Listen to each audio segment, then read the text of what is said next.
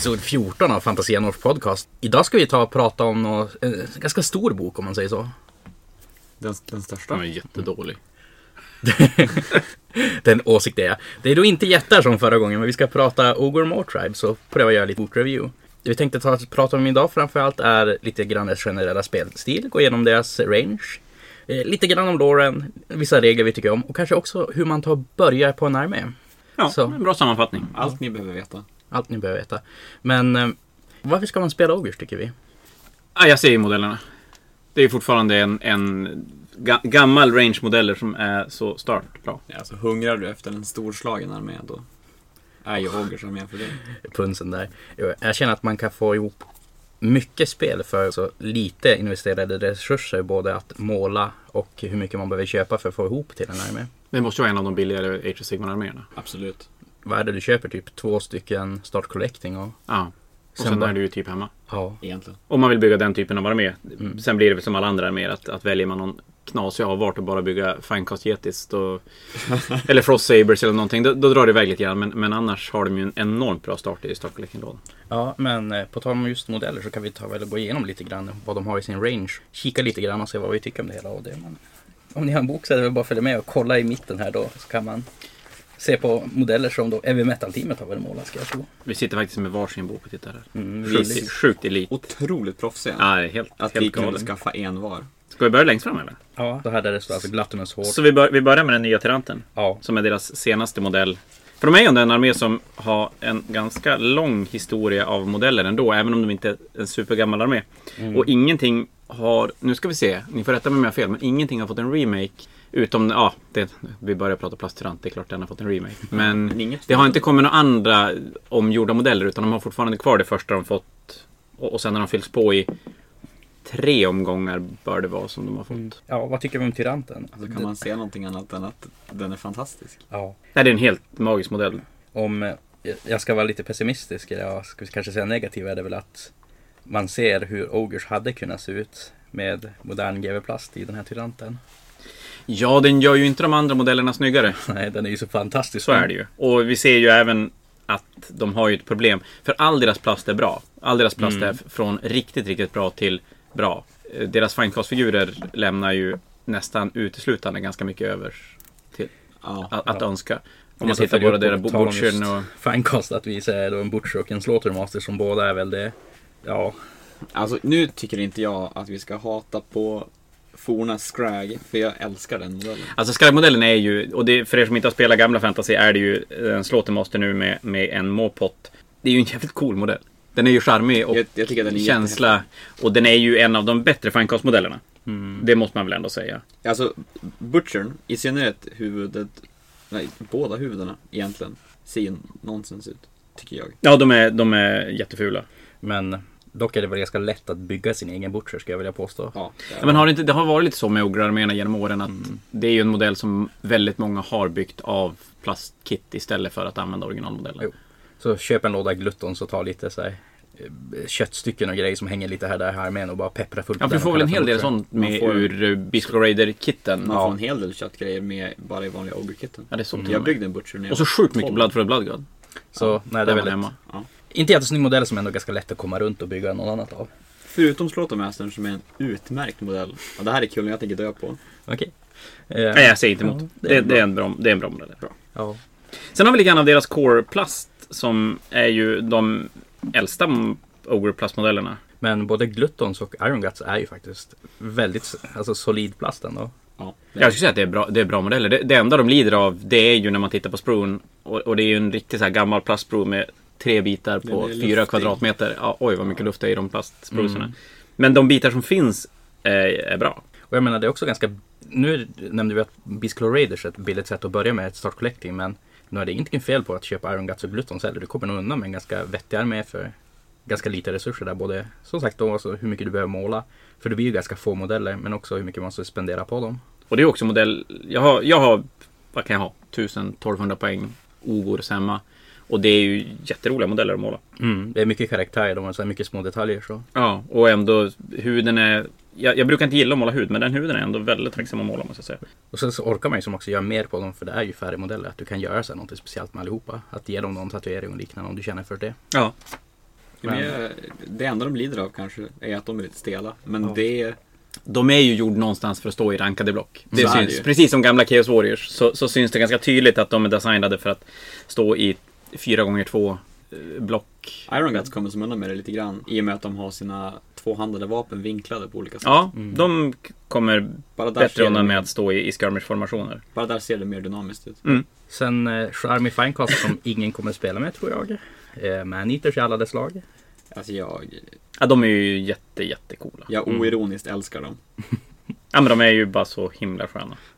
Men ja, vi kan väl ta och prata lite grann om deras Warscale senare. Att de har som... De är ja, cool, De är coola. it.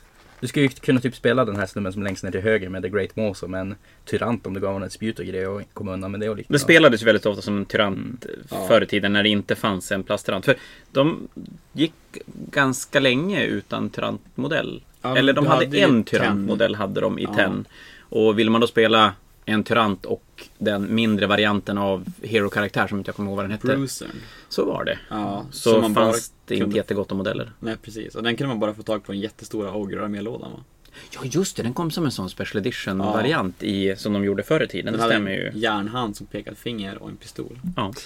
Jo. Men jag känner att dyr. det här är ju snubbarna du vill köpa om du vill ta och ha alltså som lite speciella ogers. Jag känner han uppe där till höger som är typ en bödel eller vadå. Så Är det där en Gatebreaker Giant jag ser? Ja. Nej men att han skulle funka jättebra som typ en Butcher med bara så lite förändringar. Och ny- Skulle man inte kunna slänga in dem som champions i, i gluttonenheter och grejer också? Ja, eller skulle det bli kunna. konstigt? Nej, det tror jag skulle gå. Nej. Ja men Ninjan skulle funka jättebra som en Hunter som bara dyker upp med sina katter och Ja. ambushar någonting. Pew, pew. Mm. Nej men jag gillar dem. Han som är nu längst nere till höger. Det är Golfag va? Gamla Golfag från Warhammer Fantasy. Det var sista Den- svängen fick. Ja, men precis. Den, den nyare versionen av Golfag. Ja. Inte den gamla Dogs War Nej precis. Golfag. Men förläng, förlänger man eh, handtagen så har du ju en klubba och ett spjut. Det är ju den lättaste konvertering man kan göra. Henrik fnyser åt det. Nej men alltså jag tänker att det var väl typ, konverteringar. Det är för lite skulptering för Henrik. Mm. Men eh, sen nästa sida, mer solid plats. Det är ju de här skytteenheterna med eh, en eh, Sky Giant Cannon som också finns i Age of Sigmar av en anledning. Ja, nu hade de ju redan skulpterat in Sky Giantsen på deras jättetuffa kanon. Så då måste Mm. de ju berättiga dess existens. Att de Mm. finns lite grann. Ja, Mm. Men de nämns inte i mycket böckerna. nej. Gör de inte. Men Iron Blastern är jättecool. den är ju det. Ja. Verkligen. Led Belchersna, s- samma positiva men också samma negativa som Glutton. Så, Ja, eh, Iron Ja, det märks ju att de är gjord samma tid, samma plats. exakt samma kropp.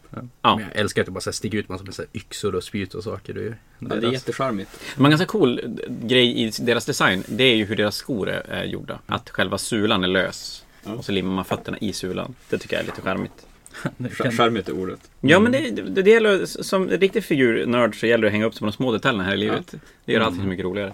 En nackdel jag upp- upplevde med dem, både när jag var fyra år gammal och nu, är att det kan bli en ganska skarp kant längs med kanonen. Där man sammanfogar dem. Alltså Ja, ledbelcher, ja ledbelcherna. Jo, den, de är ju inte gjord som nu där det kanske ska vara någon sorts... är halvers. Du ska ha lite green stuff-kunskaper och grejer för att fixa det. Eller inte vara så jävla brydd över lite kanter. Lite charmigt också. Du är i fel Eh, sällskap. Säger den som känner Boralis att Albert hade sin eh, kul att dö på där och sen så.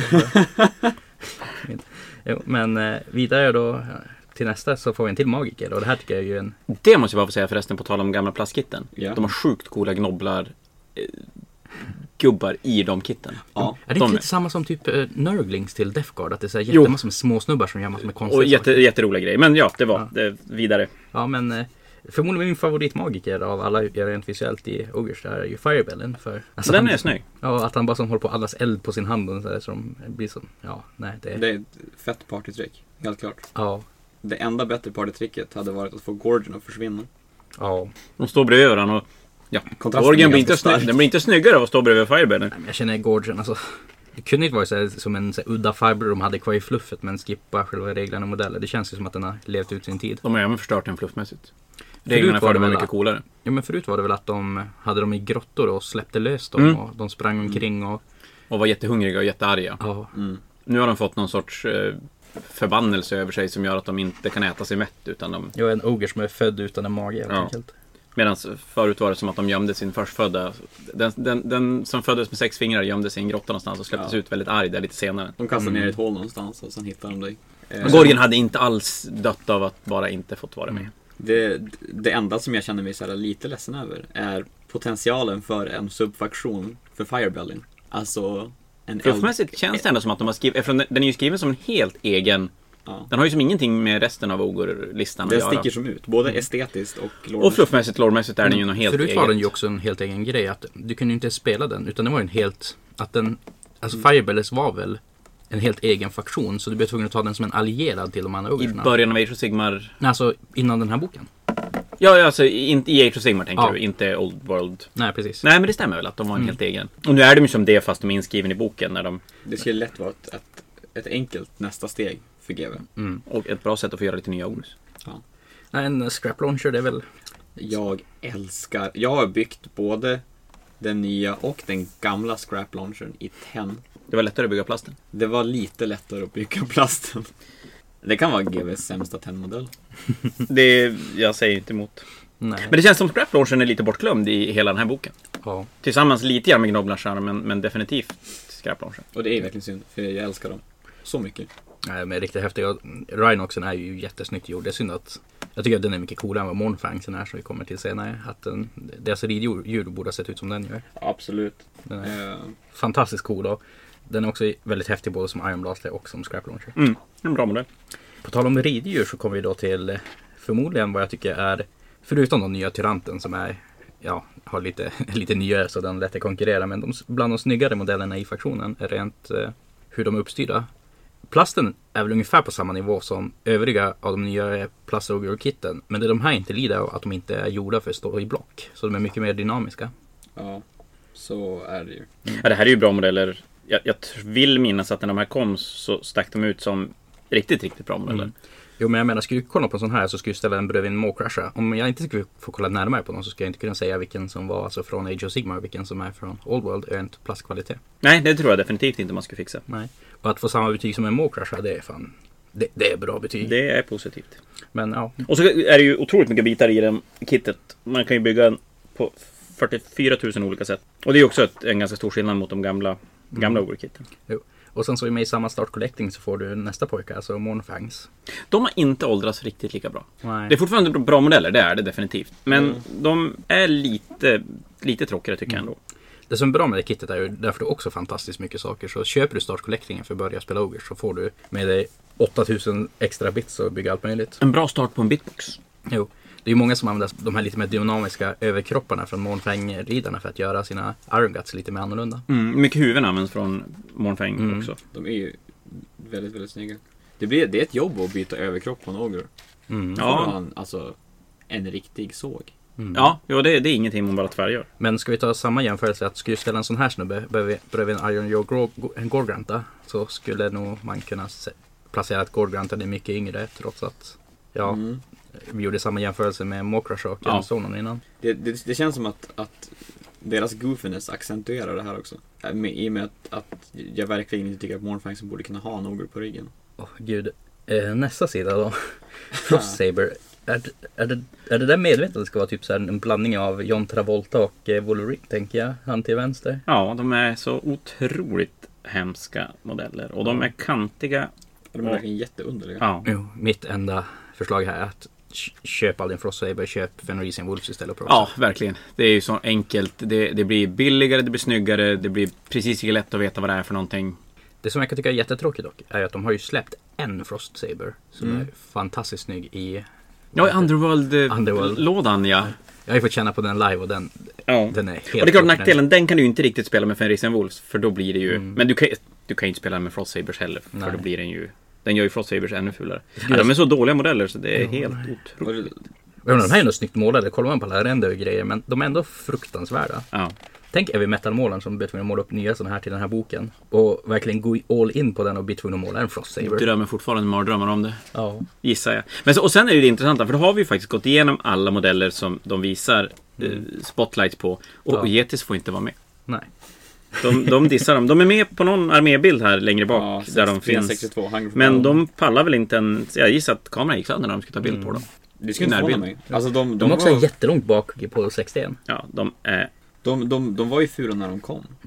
Ja, faktiskt. De har ju letat konverteringsalternativ på väldigt, väldigt länge. Nu är ju trösten är att de inte speciellt ofta varit bra. Så de har ju egentligen aldrig behövt spelas med. Man kan väl egentligen säga att alla de här sista enheterna, att det är kanske är bättre att eh, ska du ha en Hunter så köper du Shadespire-kittet Underworld så tar Huntern därifrån och behöver du flera katter så köper du Frost Sabers eh, och spel, alltså, nej, för Reason Wolf så spelar han som Frost Ja men exakt. Och skippar- är väl ta, Inget, heter det? spela inte Yetis. Skit i dem, Gorgen, skit i det. jo men det funkar väl ändå att ta typ alltså, säg Wargeist och så ger du dem bara Savage Orc vapen. Ja, det, sku, det Det är skulle väl du det göra. bästa om jag kan du- tänka mig. Om du insisterar på det, ja. Mm. Men det kommer fortfarande se underligt ut. Nej, men det är väl kanske det sista vi nämner om. Uh, här hade vi dem. En, en ganska rolig grej i boken sen, det är ju att det, de vis, när de visar målningen och modellerna så visar de väldigt mycket Kitbärs-grejer också. Mm. Och Mm. det är inte speciellt vanligt överhuvudtaget i, i GV Nej men Army Books att de gör. Men de här de kommer ju som för Old World så de är gjorda lite grann för att man ska ju kunna bygga e- eget. Jag menar alla Army Choices fanns ju inte alltid i alltså, gamla versionen av Games Workshop. Nej. Så du Och, ska kunna kitbash och bygga eget. Och jag saknar lite grann det om jag ska vara helt ärlig. ja, men de påminner lite grann om, om både Space Marine Rangen och Drukari Rangen. Som verkligen är gjorda att alla bitar från alla kit ska kunna passa i varandra. Mm. För så är det ju, Space Marines är ju väldigt mycket så och Drukari är också mycket så. Att huvuden och armar passar framöver, eh, fram och tillbaka över alla enheter. Orker i 40K är också lite så. Är det. Astra är, är ju så också. Ja, Mycket och det är ju jävligt kul. Och Ogres är ju i den svängen också Mm. faktiskt. Men eh, vad säger vi om lore? Det du hade fått i... En... Tro att jag har pluggat. jag läst på lite grann men det... Du kan väl få ta det här och säga vad vi tycker var så spännande med loren. Vad är det som har ändrats? Alltså, Så- det, det är stora sakerna de ändrar egentligen. Det är ju framförallt hur Ogurs kom till. Eh, när de pratar Old World så då, då är det så lite luddigt att de inte riktigt vet. Det spekuleras i att de är någon sorts, att de gjordes av the old ones. Och att de är släkt med halflings. För att de är hungriga som halflings är och, och lite, lite den varianten. Nu så sägs det att när Gorka Morka som är deras gud nu gick bärsärk i början så dreglade han jättemycket. Och hans dregel blev Ogers. Eller Ogurs. Eh, Så det är hur de kom till. De har plockat bort hela den här The Great Maw. Men som Albert sa tidigare innan vi började så, så nämns det ju. Det återkommer ju i alla modeller och i ganska mycket fluff. eh, Den där Maw.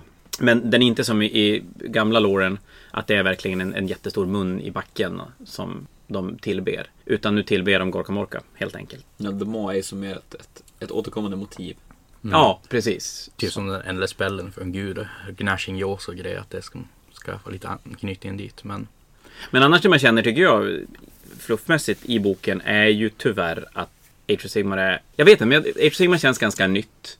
Mm. Och de är och skrapar på ytan och, och ska som beröra allt lite, lite grann. Jo men det kändes i den här boken som att de ska vara överallt samtidigt. Ingenting som egentligen så har något som värde. Jag menar typ att en stad faller i Age of Sigmar. Det är som, ja men. Det är Vi, vi, vi visste inte om den här staden till att börja med att den faller. Det är som ingenting där. Nej, och jag, jag, känslan är väl att jag, jag tänker mig att kommande böcker, kommande ogorböcker och liknande kommer då att, ja men då kommer samma stad att nämnas en gång till och en gång till. Och helt plötsligt så får man vissa punkter i Age of Sigmar som kommer att kännas intressant. För det gör det ju inte riktigt nu. Nej, det finns ju Eh. ett par typ Hammerhall och liknande men de Ja men det har ju dykt upp lite grann nu i början. Eller, som, eller nu på slutet som, som känns lite intressant. Jo. Men det här problemet är som inbyggt i settingen också till att börja med. Mm. För att om du, om, du, om du har realms som är oändligt stora, då har du inte samma begränsning som förut. Där såhär, åh nej, en ogre vandlade in från World's Edge Mountains och såhär, gick bärsärk i Stirland. Mm. Nej. Stirland är inte oändligt stort. Nej, vi, vi pratade, jag och Henrik pratade lite om det på vägen hit. Jo, att jämföra lite grann med 40K. Att 40K har ju ändå en galax att arbeta i. Mm. Men att Age of Sigmar det är ju typ så bara som fem år gammalt. 40K har ju funnits sedan typ 80-talet. Att de har ändå hunnit etablera universumet. Att det alltså 40K-universumet är ju bland de mer välskrivna universumen. Ja men det är ju så. Det, men även om 40K-universat är oändligt stort och de kan skriva in precis vad de vill. Så har du ändå Terra, du har Cadia, du har Mars. Alltså du Cadia. har, du har ganska, ja, rest in peace. Du har ganska så här, ikoniska platser som skulle de vilja göra någonting som verkligen kommer att spela roll och som folk kommer att bli så här. Wow. Och liksom behöver de wipa en planet, göra som de gjorde Ja, Cadia, liksom. och, och, och de kan röra Terra, de kan röra Mars och helt plötsligt kommer alla att vara väldigt, väldigt, väldigt berörda av det. Och där är de inte, Age of Sigmar. Jag tycker när man läser Ogor-fluffet så landar det lite grann i det att de, de berättar hur de kommer till med, med Gor- Gorka Morka Säcker och sen pratar de lite grann om hur de funkar som ras. Att de åker omkring och bara äter och äter och äter. Mm, actually, de är faktiskt en art. Ja, håll käften.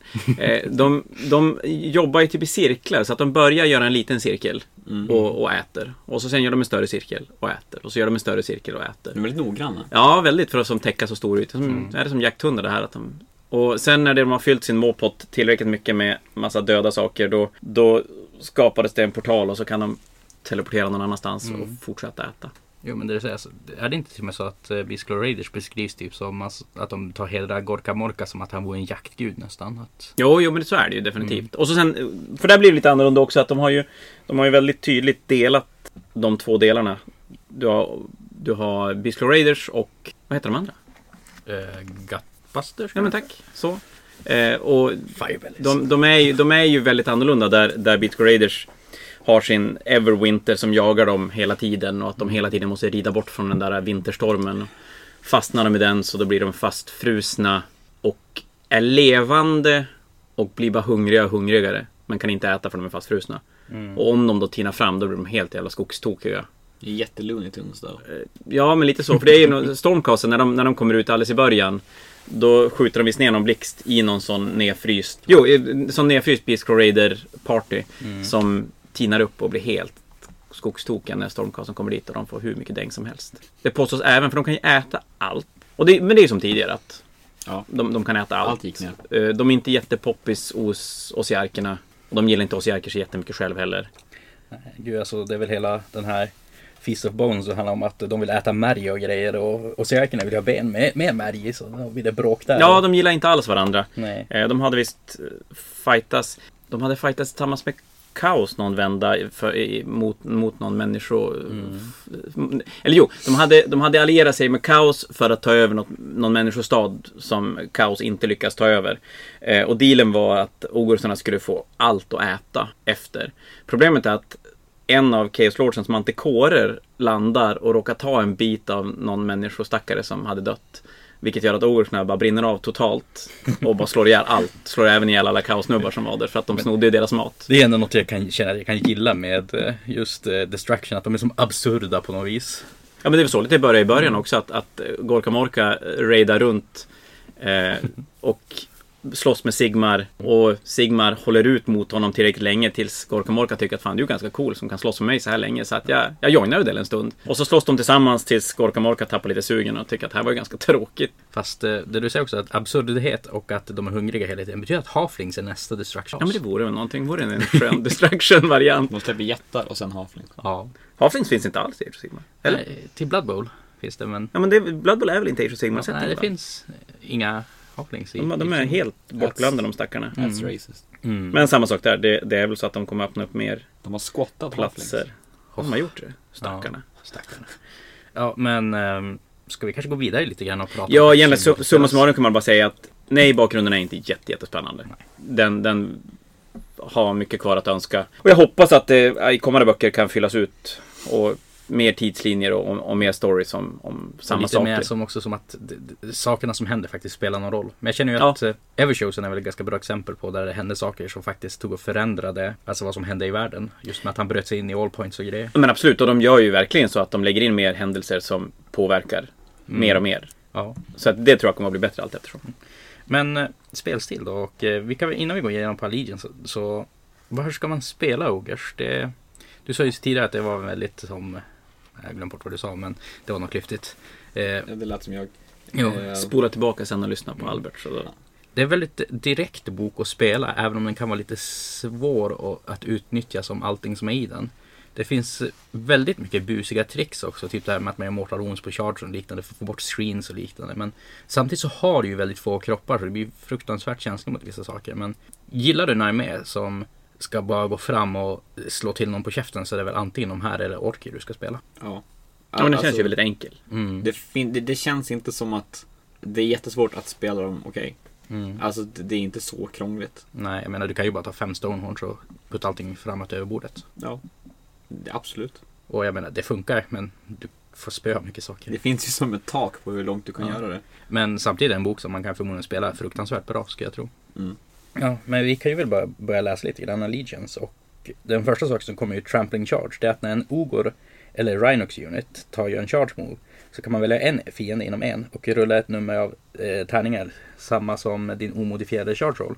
Eh, man lägger två till på rollen ifall ogrenheten eh, har åtta eller fler modeller eller ett monster. Så det vill säga dina stora ogrenheter och dina stonehorns och vad heter de? Thundertusks. För varje sexa eller för varje fyra då nu monster eller fler än åtta så tar du ett mortal wound. Det här är ju bland spelets mera arga impact hits. Ja. Alltså Jätte- det, det gör ju 12 år med Iron Guts ännu läskigare än vad redan är. Ja, jag säger att du slår typ ja, men, en åtta på chargen, ändå fyra mortal wounds. Ja.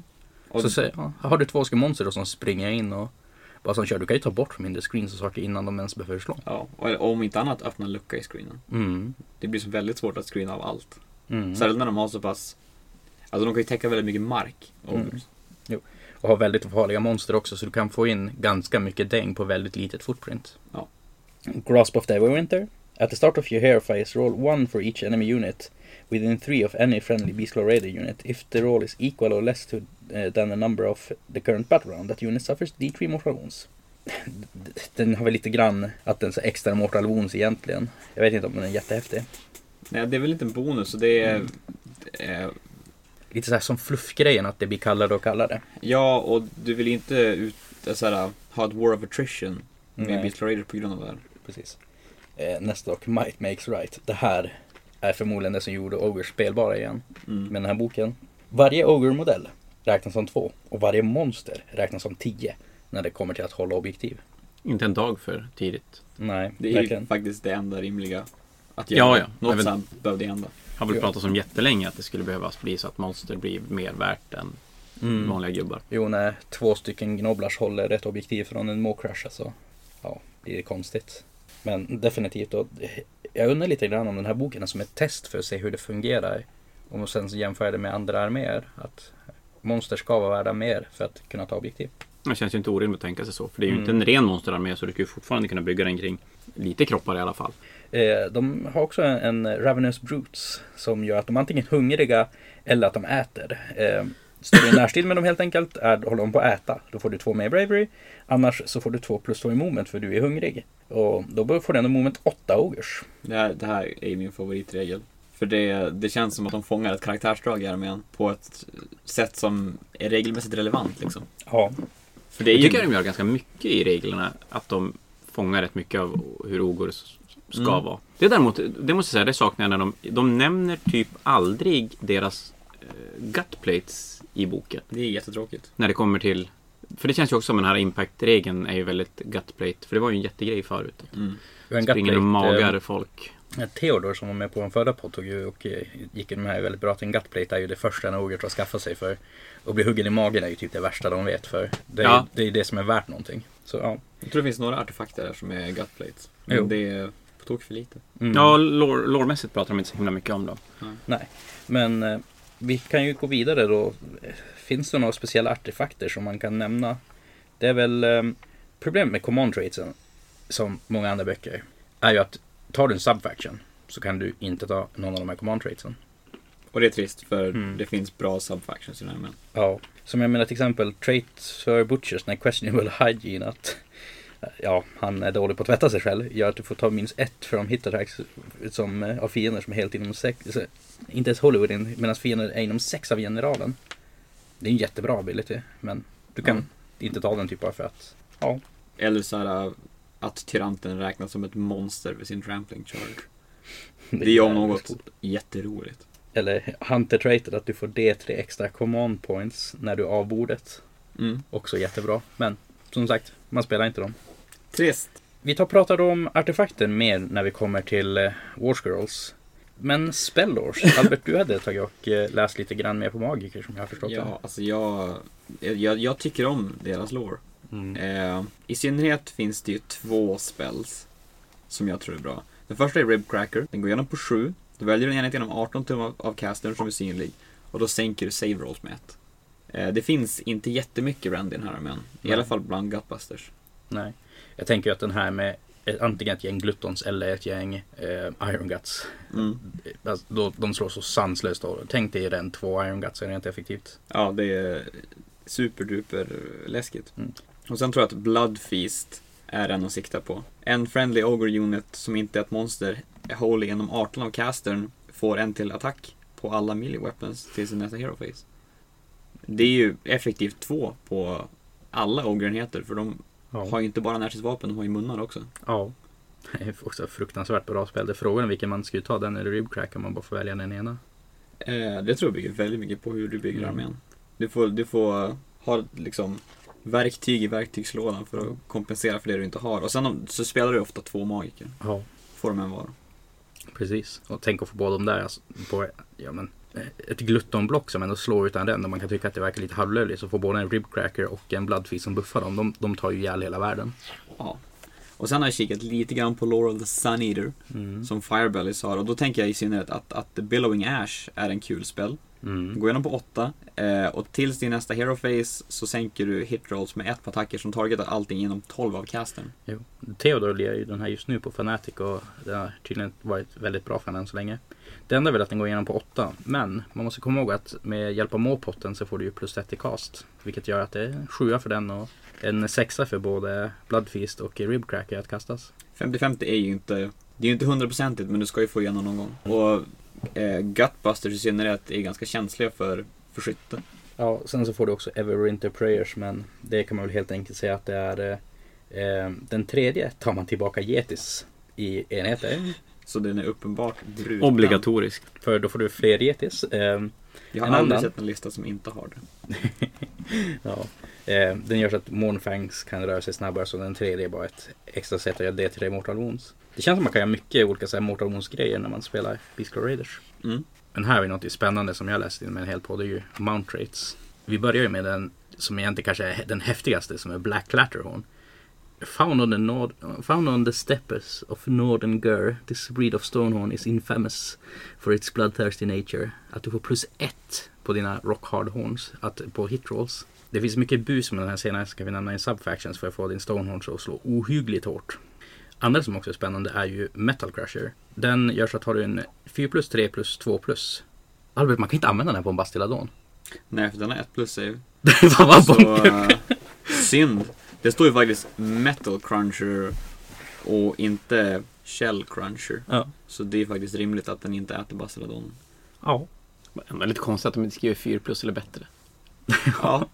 Den det, här, det, här är, det, här är, uttryckligen lämnar 1 plus utanför. det här är peak GV. Mm. Japp. Och den hade varit jättebra för att sänka Bastiladon också. För den är ju faktiskt D6 Mortal Wounds at the start of the combat phase. Så först har du sänkt ner Bastiladonen så att den får sämre, alltså så att den inte blir rendimmun. Och sen slår du på den. Men nu funkar inte det. Men det är så här, det kommer inte komma en enda modell med metall i sig som har 1 plus armor sig. Nej, de kommer, de kommer undvika Japp.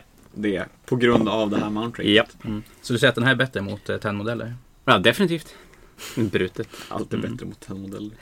Tableflippen är bäst mot modeller. Eh, sen så finns det en del andra busiga, men det är väl de två som är de häftigaste där. Eh, det jag vill också nämna då på Thundertusk-varianten som du kan ta. Det är Alvagar Ancient.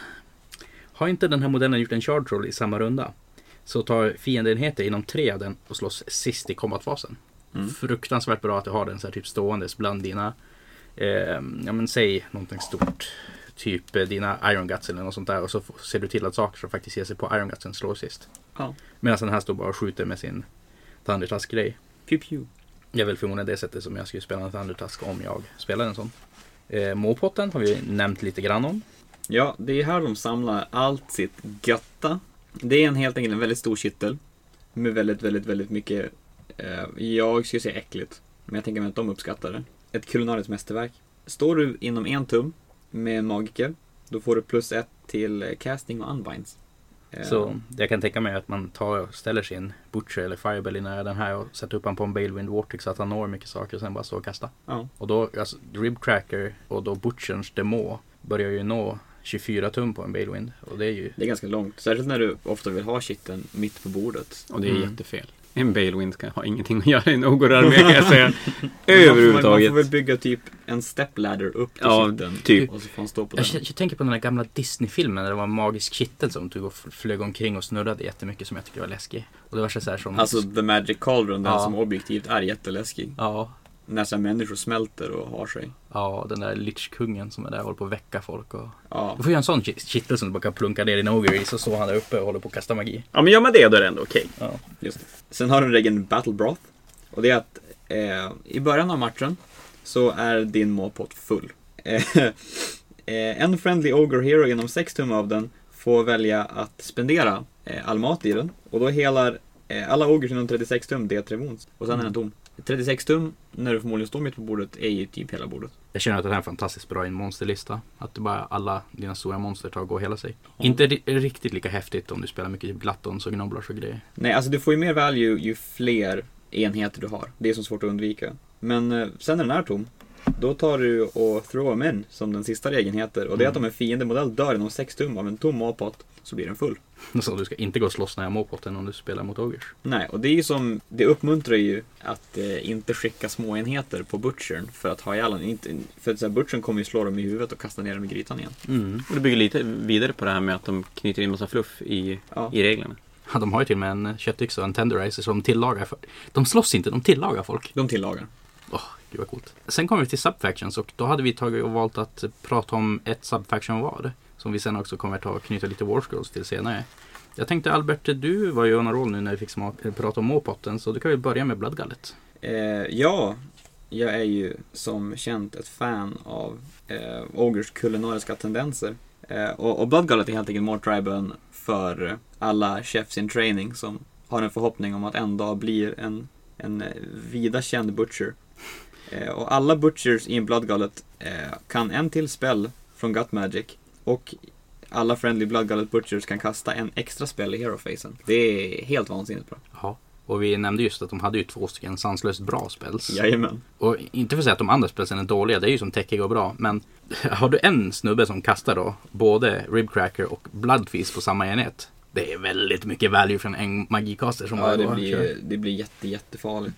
Mm. Och i synnerhet när, när, och det kommer vi till sen, magikerna ändå har helt okej spells själva. Ja, och sen, sen det, det, det viktigaste med den här faktionen tror jag ändå, eh, förutom att de är, får extra spells, är command traitet. Nice drop of the red stuff. Friendly units som startat pile-in helt inom 12 tum av generalen får pila 3 tum extra. 6 tums pile. Däremot kan vi nämna då att det inte är att du kan pila om du har fiende inom 6 tum utan du får bara röra dig 3 tum extra. Så är det. Men det är ju väldigt bra när du har en väldigt stor enhet som måste ta komma till rätt ställen. Det är ju inte ovanligt att man kommer in med, med en modell och de andra är på tok för långt borta för att göra någonting Mm. effektivt. Precis så. Sen får du en allmän command ability eh, som du kan använda från en Friendly Blood Gullet Butcher. Och det här gör du i starten combat phasen. Till slutet av fasen får du rerolla wounds för Gluttons som är helt inom 12 av Butcher. Så helt enkelt att du har en eh, butcher som poppar den här på ett gäng glottons, ger dem både Bloodfist och eh, Ribcracker. Då, då går de från att slå lite som med hämingen och grejer till att, ja, Var ganska farliga vadå ganska farliga? De är ju jävligt farliga. känner jag. Ja, alltså, så, du kan ju ha en full 12 och de flesta kommer kunna slå när de får pila så långt. Mm. Men jag menar, det är inte jättelångt ifrån att den där tolvan ska kunna springa in i ett fyrslöjblock och kunna ta den fighten. Nej. Kanske inte mot Hermdar, men mot, eh, säg om de spelar till Vostag och saker som de inte automatiskt får slå först. Nej, precis. Ja, alltså för, okej, får de slå först då dör ju Gluttons. Mm. Men du kan göra med det till Ricket också att du gör så att du chartar in lite grann i ena hörnet på dem. Ha alla andra för långt ifrån. Så att inte de kan pila in. Och så tar du och använder nice drop of the red stuff när det är din tur att pila. Så pilar du in 6 tum. Och då kan inte dvärgarna slå med större enheter. Rakt in i fällan Mm. föll de. Alltså spelar de här rätt så finns det så här mycket tech att ja, kunna slåss mot till exempel fyrslayer som verkar vara ett problem för många. Mm. Och sen har vi artefakten som man måste ta. Om man kör Bloodgullet, en Splatter Cleaver. Det väljer en av användarnas melee weapons. Och i slutet av combat phasen, om den har gjort några wounds som inte negatas, så helar du D3 wounds till varje friendly Bloodgullet Ogre helt inom 12. Och det är ju också väldigt mysigt. Så du tar, tömmer din gryta och samtidigt använder den här så. Det är två D3 wounds på många enheter. Eh, Jag gillar, jag gillar den här faktionen. ja. Den är förmodligen bland de bättre i boken. Ja. Vidare då till en till ganska speciell och häftig faktion så har vi då Undergut Mortribe. Och det, den ska ju du läsa om. Ja, men det har jag ju. Ja. Sen är inte jag lika, jag är inte lika regelnördig som ni är. Jag blir lite mer så här fluffnördig. Men du kan ju Och- berätta den, vad du har kommit fram till. Ska Då- vi... Ja, men regelmässigt eller, eller fluffmässigt? Jag, Ja, men både och. jag vill börja prata fluff först. De, de Undergutsen, som lite grann som namnet säger, lever under jord. Så att de är sådär äh, bleka och eh, lite, lite spökliknande eller golliknande äh, ogres. Hade inte passat jättebra med Gorgers till den här faktionen. Alltså de hade ju typ gjort en grej av det hela istället för att bara släppa gamla modeller. Ja men faktiskt. Det här hade de ju kunnat vara en grej. Och, och gärna måla dem kanske lite sådär blek, blek hud eller blekgrå i huden. Och, och de, under Age of Chaos så upptäckte de ett, eh, ett eh, Duardane-fäste. Och när de fightades med dem så kom de åt något sprängmedel som gjorde att hela skiten sprängdes.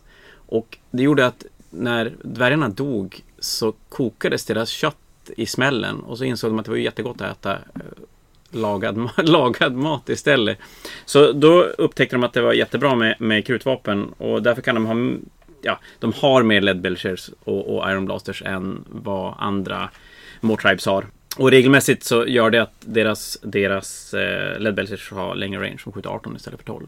Det är ju en ganska stor range increase alltså. Ja, det är det ju definitivt. Och lårmässigt också så har de mer gnobblar för de har insett att det är fantastiskt bra att använda gnobblar för att springa fram och... Trampa på minor typ. Ja, men exakt. Och fylla dem med massa, massa sprängmedel och sen skicka fram dem och spränga saker. Eh, de... Som, som motsatt mot andra oger, tribes som rör sig ovan jord så gör de, rör de sig under jord och har blivit experter på att gräva tunnlar.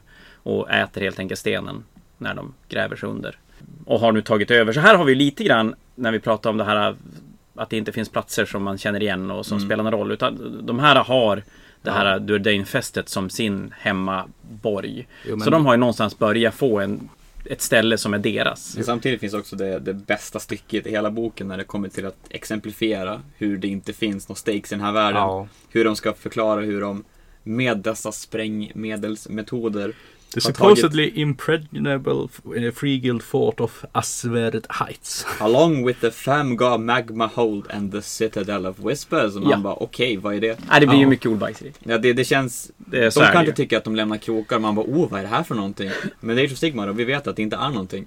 Nej, och när det blir för mycket krokar också blir det ju ganska ospännande. För då känner man att man orkar inte ens försöka bry sig om och Jo. tänka Men vad det ska vara för någonting. Det, är som, det här är ju tre ställen som inte ens finns längre och vi fick precis höra om dem. Ja, som vi aldrig kommer höra något mer om. Och det är inte heller att de följer Age of Chaos utan de här följer Age of Sigmar. Antar jag i alla fall. Alltså det känns som att de har någon sån här uh, cool place Ja, det var under Age of, en, Age of Chaos som de, de hittade det Duerdain-fästet som de tog Men- till sitt eget. Jo men det är inte ens bara det utan Free Guild Fort of, ja det vet man ju, det, det, det är ett Free Guild ställe. Eh, Magmahold, det är ett fyrslayer-ställe. Men Citadel of Whispers, vilken faktion är det Nej, det hittar på. Det kan man typ säga Ja. att det är Nightons, ja visst. Sist, Alltså Daughters of Cain, ja visst varför inte? Men här måste, de ju, här måste de ju komma till en punkt när de börjar sakta men säkert så här, sålla bort onödiga grejer och Mm. ge oss mer, mer intressant fakta kring alla, alla lore-grejer som de lägger ut. Att det Mm. inte får bli som, som Albert som du säger, att det får inte bli för mycket nytt som bara fylls på med hela tiden som vi inte ens vet vad det är för någonting. Men tillbaka till reglerna kanske. Um, som sagt, Gunmaster så de får extra range. Det är riktigt vettigt om du ska spela LED Belcher så att du når 18 tum. Sen har de en command ability som gör att de får lägga till en extra attack på missile weapons för Iron Blasters. Mm, det är då de här stora kanonerna. Så jag gissar att det gör Iron Blasters lite mer intressant. Intressant punkt tror jag. Och eh, det är dessutom att du använder ett command point och så aktiverar den på alla som inom 12 av den hjälten. Så du kan ha ett stort block med Iron Blasters, alltså i flera olika enheter. Och sen skjuta alla plus en attack. Mm. Så de, att de skjuter en plus attack är ju ganska vettigt ändå. Då Sen har det- de en jätteospännande command trait. Som gör att det blir svårare att träffa generalen med missile weapons. Det är inte svårt att träffa, det är svårare att onda honom. Det var svårare att onda till och med. Det Ja, var men kolla, det var svårare att onda. Så det var, det var riktigt, riktigt Mm. meningslöst. Var det. Och så deras artefakt är helt enkelt en, en gnobblarsmällkaramell helt enkelt. Mm. Ja. Som det finns en modell för. I Ja, det gör det ju. Ja, Mm. det gör det ju. Du rullar helt enkelt sex tärningar. För varje 6 plus eh, så tar enheten D3 motions. Plus ett för varje 10 modeller i den enheten. Så det känns ju som att den här var jättebra ifall den var bra mot mindre saker. Men jag menar för att den här ska ju vara vettig så ska du kasta den på en enhet med 30 modeller. Då spelar inte 3 mortal wounds jättestor roll. Ja, det gör väl inte det. Nej. Men deras Mortribe-symbol är cool, för det är deras fort. Ja. Ja, de här har väl ändå så relativt... Alltså, de, de försöker i alla fall, som du säger, göra det här till någon form av plats. Mm. Ja, men de har ju någon, någon, någon egen så här startplats där de ska hänga. Och där kan det ju faktiskt då dyka upp storylines där det faktiskt spelar roll. Ja, precis. Att, att de blir anfallna och eh, måste skydda någonting som är För deras. de andra faktionerna promenerar sig runt. De äter sten. Äter sten. Fan vad gött. Stenhårt. Men det jag tänkte när man så här, har typ spelat både Total War och tänker sig gamla att det var så mycket som alltså underjordiska konflikter som inte alltid nådde ytan. Typ så här som Skaven som slogs med eh, Goblins och grejer. Och det var ju en hel grej där med att Bellegar skulle tillbaka och gå ner i Karak 8 Peaks för att ta hand om eh, Skashnik eller vad han heter och grejer. Ja, som- men du hade ju både Goblins, Goblins dvärgar och, och Skavens. Mm. I 8 Peaks. Jag tror till och med att om... Ne- Neferata var väl uppe i, i något rum. Det kan nog mycket väl stämma. Och. Ja. Alla ville vara i 8 Peaks. Var... att de här ska ju som kunna tillföra lite grann. Nu är det ogers under marken också. Att Ja. Det är som en del av det här som nu slåss vi i grottor under marken. Ja. En, en poäng för de eh, kulinariskt lagda kan ju vara att, eh, att äta sten gör vissa djur, till exempel kråkfåglar. Det kallas för en gastrit, hjälper matsmältningen. Bra grejer. Ja. Och så tycker de, de tycker om att koka sin mat genom att spränga det. Mm. Instant cooking. Ja. Nej men eh, vidare då till kanske min favorit i Mortride och det är ju The Svard eller Boulderhead Mortride som de heter. Det är de, de mest envisa och de som tror att de förmodligen är bäst. De gillar att rida på sina stora monster in i strid och ta och fälls av The Everwinter. Det här är pojkarna som gillar att rida på Stonehorns och eh, Thundertusks och liknande. Eh, de, ja, kan ju börja på reglerna. De har inte jättemycket fluss förutom att de är, har mycket monster och att de ja, är envisa. Så, ja, regler. Du får plus ett i Wound Characteristic på Boulderhead Monsters. Alla monsters i hela listan får också Mount Rates. Så istället för att bara få en plus en per formation så blir det att alla dina monster får någon vettig bonus av något slag. Det blir en himla massa rates. Ja, och du kan... Det, det- känns ju lite grann som att du spelar typ... Om vi ska ta... Säg att du spelar ett bilspel och alla har sin så unikt pimpade ride med dina egna LED-lys och saker. Mm. Är det här motorcykelknuttar? Med så här custom eh, MCs och Så grejer? kollar man deras Motribe-symbol också så är det ju lite som... Biker Ogres. Ja. Det här är Biker Ogers. Ja, Kanske någonting att bygga på det. Säg inte det här till Theo då, han kommer köpa alla dina Mollerfins. Och så kommer de flyga också. Mm. Eh, de gillar ju att eh, kasta Deadly Hail. Det är så att alla Beastclaw Raider-fraktioner får sin egen här, speciella parade de är bättre på. De här så är den som eh, gör D3 Mortal Wounds från en punkt på 3 plus och den gör det på 2 plus istället. De får eh, en fruktansvärt bra relik som gör en av sina Stonehorns i kombination med Black Clatterhorn helt fruktansvärt arg. Det är att den, om bäraren har, alltså the bearer has a mount Add one to hit rolls for attacks with that mounts melee weapons. Mm. Så alla mounts attack går från att vara typ så här 3 plus 4 plus för att träffa till att allting blir 2 plus. Säg att du då använder command point för att ge han så att han också rerollar ettor så lär du ju träffa alla dina attacker. Det är lite skillnad på power level på artefakterna. Ja, verkligen. Så, men säg en, en Stonehorn med den här och Black Clatterhorn, den, den tar ju och dubblerar sin damage output. Utan tvekan.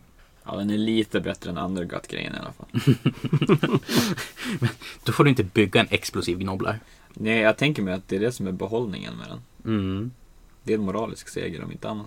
De har ju också här att Dig Your Heels Deep som command ability. Att du får slåss med ett, eh, en Boulder Head Hero som, eh, som har ett mount som att den inte har tagit någon skada. Det är jättebra, Jo, Och potentiellt. sen Lord of the Beasts som eh, gör att alla som inom 12 av generalen som har ett, som ett monster får plus ett i move när de gör en normal move under fasen. En normal move, är det också ett run move? Jag tolkar det inte som det, men jag vet inte. Nej. Nej, jag vågar inte svara på det heller. Jag tror att det är en normal move men jag är också osäker. För Eh, är, det- en, är en run move en normal move då är den här jättebra. Är den inte det så är den förmodligen lite med så att säga. Det känns som att det inte borde vara det. Om vi ska sitta här och killgissa Mm. Ja, eh, ordentligt. Ja men det, någon får ta rätt oss på det. Ja men... men vi kan kolla upp hur det står wordat i main, Okej. main rules. Läsa regler. Mm.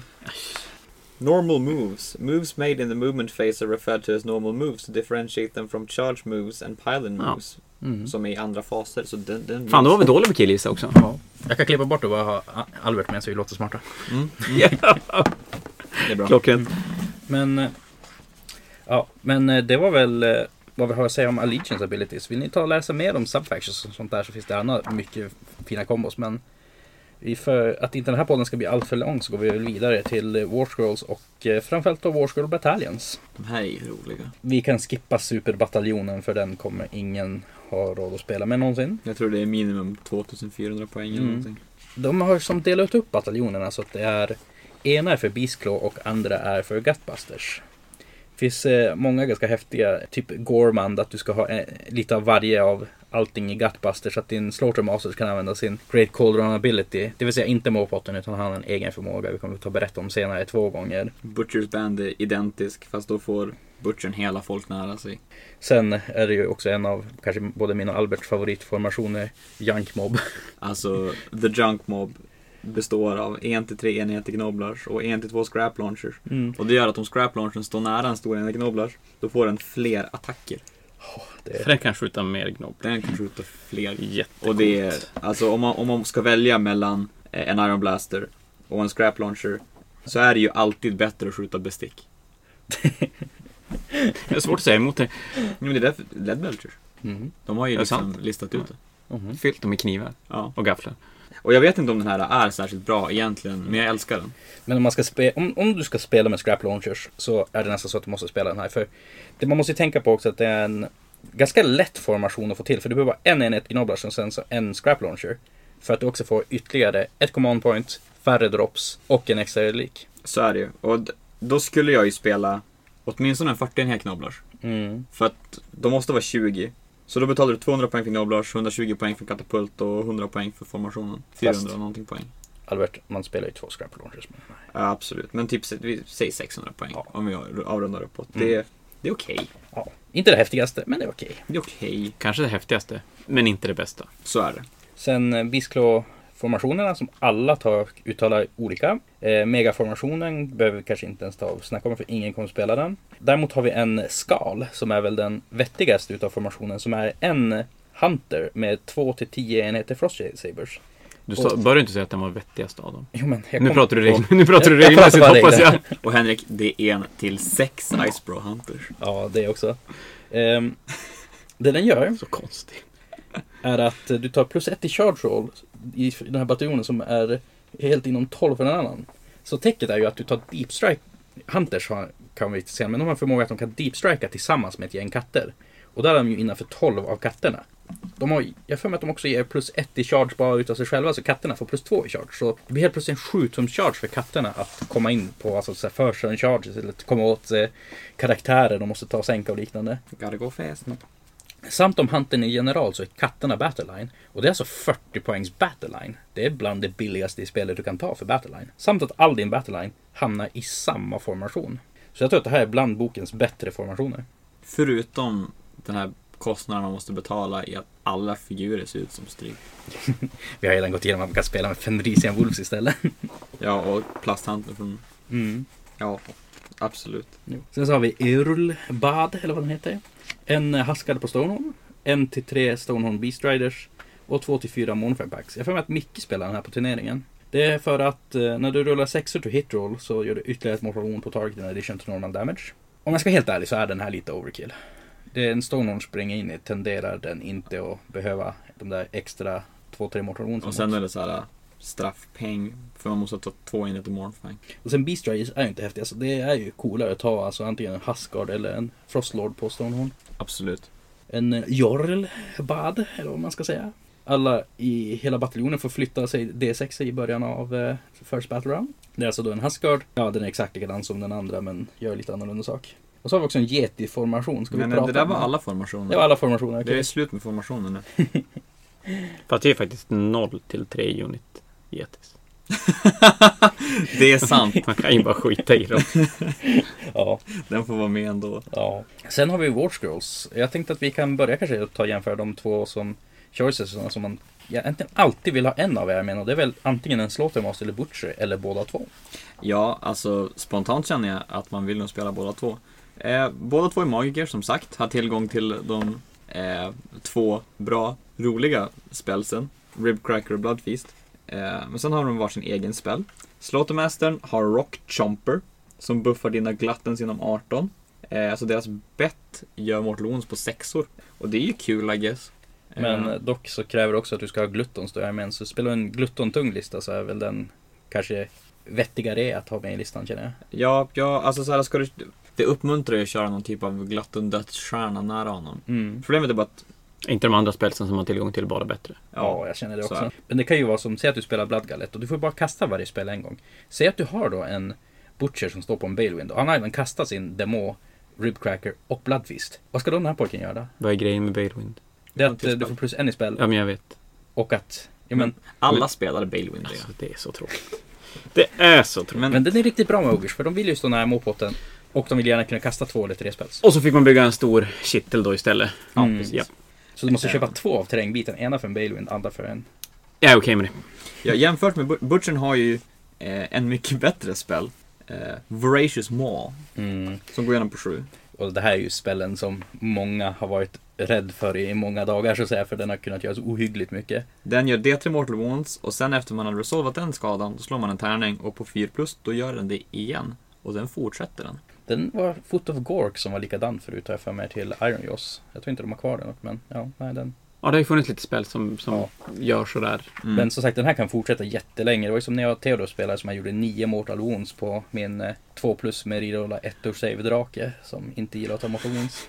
Men den, den är ju som såhär, alltså för min armé är den ju fruktansvärd. Mm. Han väljer ut min skinkpräst som har fyra wounds. Han, han, han behöver bara klara ett 4 plus rull där så dör den ju. Ja. basically. Jag menar även ifall du inte får igenom 4 plus rull så är det ändå D3 Mortal Wounds. Mm, det är det är en extra extra Arcane Bolt. Ja. Och sen på Eh. 4 plus fortsätter den. Och, man Så- kan ju tur med den.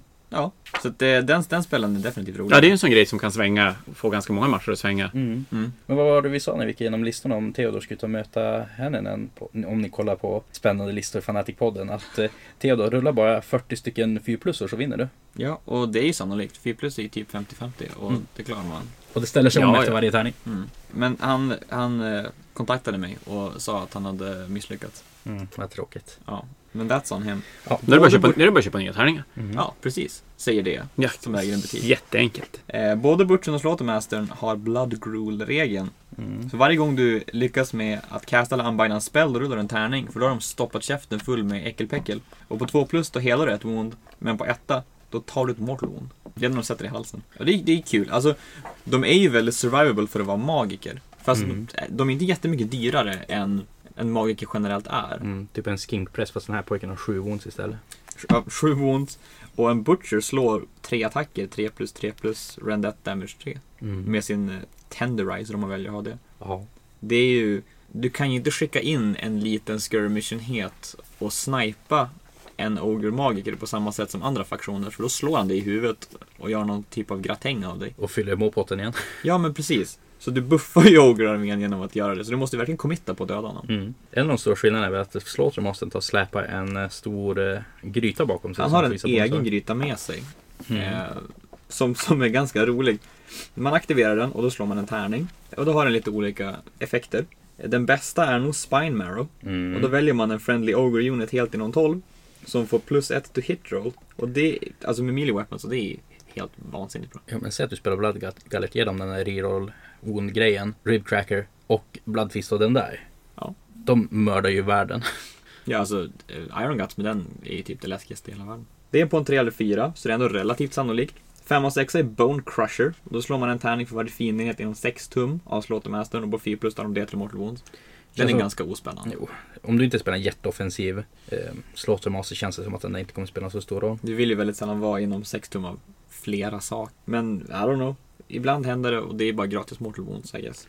Sen Trogot Guts, eh, du helade D3 på den här modellen och alla inom 12 tar hela sig ett wound. Och jag menar, det är ju mer healing till armé som redan har ganska mycket sätt att hela sig själv. Ja, alltså om du inte lyckas finisha en Ogre och det är ändå 4 wounds. Mm. Då kommer den nog vara hel igen. Ja. Det är inte helt osannolikt. Och sen slutligen slår du en etta, då tar du D3 Mortal Wounds av A Violent Bout of Indigestion.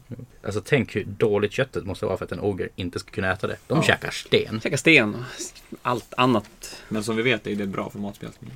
Sen så kommer vi vidare då till Battleline som vi kan ta och diskutera lite grann. Det är väl de helt vanliga Ogre Gluttons. Eh, de har två sätt att spela på. Antingen så spelar du en eh, Club or Blade and Iron Fist eller två stycken klubbor and Blades. Den stora skillnaden där är väl då att eh, med två stycken klubbor så för varje sexa du rullar to hit så får du två träffar istället för en. Men sen Iron Fist, att rullar du eh, save roll på sex så tar motståndaren ett mortal wound. Och jag känner att båda varianterna är ganska vettiga. Det är mycket wound som ska gå igenom så det är ganska mycket wound som går tillbaka efter då på savet också. Men samtidigt så blir det ganska mycket attacker för det är ändå tre attacker per Ogre. Och att de tar att dubblera sig för att bli fler wound rolls är ju också ganska vettigt. Ja, alltså jag, jag tror att, att Jag skulle köra dubbla vapen Mm. Jo. Jag, jag, tror, jag tror man kompenserar ju som förmodligen för alla missar. Jo, för dubbla vapen det blir väl rent effektivt som att du fick plus ett och hittat. Sex och blir två wounds. Mer eller mindre ja. Mm. Jag håller väl med men kanske om du ska spela två stycken stora block så spelar du en av varje. En som kan ta smällar och en som ger smällar. De är ju en Ogre så de har Move 6 som blir Move 8 när de inte är närstrid. Eh, Bravery 6 som blir Bravery 8 när de är i närstrid. Fyra wounds per skalle och sen 5 plus save. Så de här lever ju på att det är fruktansvärt mycket wounds i ett block. Ska se vad kostar en full enhet och hur många kan de vara då? Eh, En full enhet kostar 400 poäng om jag minns rätt. Och då är de 12 stycken. 12 stycken. 48 wounds. Ja, så det är mycket wounds att arbeta sig igenom. Ja, Och en enhet som ändå slår ganska hårt. Och synergerar jätte, jättebra med sina två magiker. absolut. Och när de chargar då har de helt plötsligt 4 plus mortal wounds. Så nej, man kan ju inte gå fel med den här enheten. Och de kan rerolla charge rolls om de har en Beast Skull Bearer som flagga. Om man vill smyga in lite extra mortal wounds. Ja.